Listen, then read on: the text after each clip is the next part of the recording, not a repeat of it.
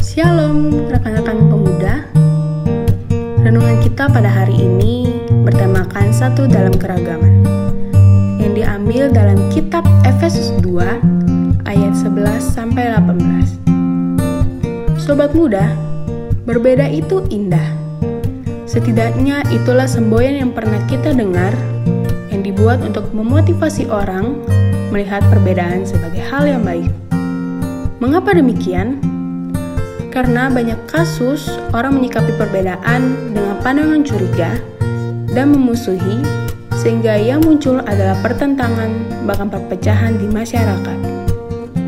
Sobat muda, persoalan menyikapi perbedaan juga muncul dalam kehidupan jemaat mula-mula. Masuknya orang non-Yahudi ke dalam jemaat dianggap mengganggu orang-orang Yahudi dan sudah lebih dulu menjadi Kristen. Mengapa merasa terganggu? Karena orang Yahudi dibesarkan dengan tradisi pemahaman bahwa bangsa pilihan Allah di muka bumi ini adalah bangsa Yahudi. Mereka tidak terima dengan kenyataan harus berbaur dengan mereka, karena jangankan dalam beribadah, dalam bergaul saja tidak boleh. Akibatnya, jemaat jadi terpecah antara dua kelompok. Sobat muda, Bagaimana perasaan Tuhan melihat situasi itu terjadi di dalam jemaatnya? Jelas sedih bukan? Firman Tuhan saat ini menyatakan kehendak Tuhan dalam menyikapi perbedaan. Tidak boleh saling berjauhan karena di dalam Kristus yang jauh sudah menjadi dekat. Tidak boleh ada tembok pemisah karena oleh darah Kristus semua dipersatukan. Damai sejahtera Kristus hanya dapat terjadi jika ada kedekatan dan persatuan.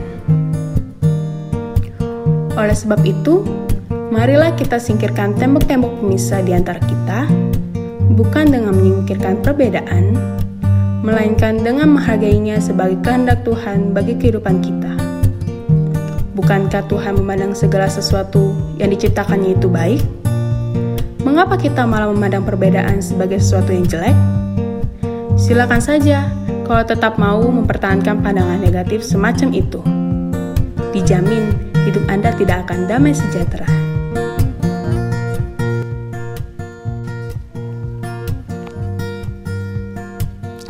Rekan-rekan pemuda, mari kita bersatu di dalam doa. Tuhan Yesus yang baik, terima kasih atas pernyataanmu sehingga kami diberikan nafas kehidupan yang baru setiap harinya. Biarlah firman yang tadi sudah kami dengar, tidak hanya kami dengarkan saja, melainkan dapat kami terapkan dalam kehidupan kami sehari-hari. Ya Tuhan, kami juga mengucap syukur di tengah-tengah pandemi COVID-19 ini, kami masih diberikan kesehatan dan kekuatan untuk melakukan segala aktivitas kami di rumah, baik itu WFH, sekolah, dan kuliah online, dan lain-lain. Walaupun banyak orang-orang yang terkena dampak COVID-19 dan harus melakukan isolasi diri, tapi kami percaya Tuhan dapat memulihkan mereka satu persatu. Ya Tuhan, kami juga berdoa untuk para petugas medis, relawan, dan aparat yang bertugas, mereka yang menjadi garda terdepan saat pandemi COVID-19 muncul, yang sudah bekerja setiap hari, terus-menerus demi kesembuhan pasien yang terdapat COVID-19, Berikan mereka kesehatan dan kekuatan juga dalam menjalankan tugas mereka dalam merawat pasien-pasien COVID-19 yang semakin bertambah, agar mereka tetap sehat terus sampai pandemi COVID-19 ini berakhir. Ya Tuhan, kami juga mau berdoa untuk bangsa dan negara kami, Indonesia, bangsa di mana kami tinggal, kiranya Engkau senantiasa memberikan perlindungan bagi bangsa kami Indonesia kiranya engkau menjauhkan Indonesia dari bencana, malapetaka, pertikaian antar suku dan agama. Satukan hati kami semua ya Tuhan, untuk bisa memberikan dampak baik bagi negeri ini. Kami juga mendoakan untuk para pemimpin kami ya Tuhan, Presiden dan Wakil Presiden, kiranya Tuhan memberikan mereka hikmat, sifat bijaksana, kejujuran, sifat yang adil, dan juga sikap yang takut akan Engkau ya Bapa.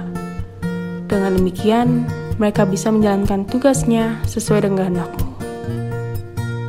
Ya Tuhan, kami juga mau berdoa untuk gereja kami, GPIB Immanuel Jakarta, biarlah gereja ini semakin hari semakin dipertambahkan jiwa-jiwa yang baru, yang masuk dan beribadah bersama kami, dan kami juga mau berdoa untuk KMJ GPIB Immanuel Jakarta, Ibu Pendeta Mishiko Pinaria Saren, dan presbiter-presbiter yang masih bertugas di saat pandemi COVID-19 ini, Tuhan berikan juga kesehatan dan kekuatan agar tetap semangat dalam melayanimu bersama jemaat-jemaat yang berada di rumah.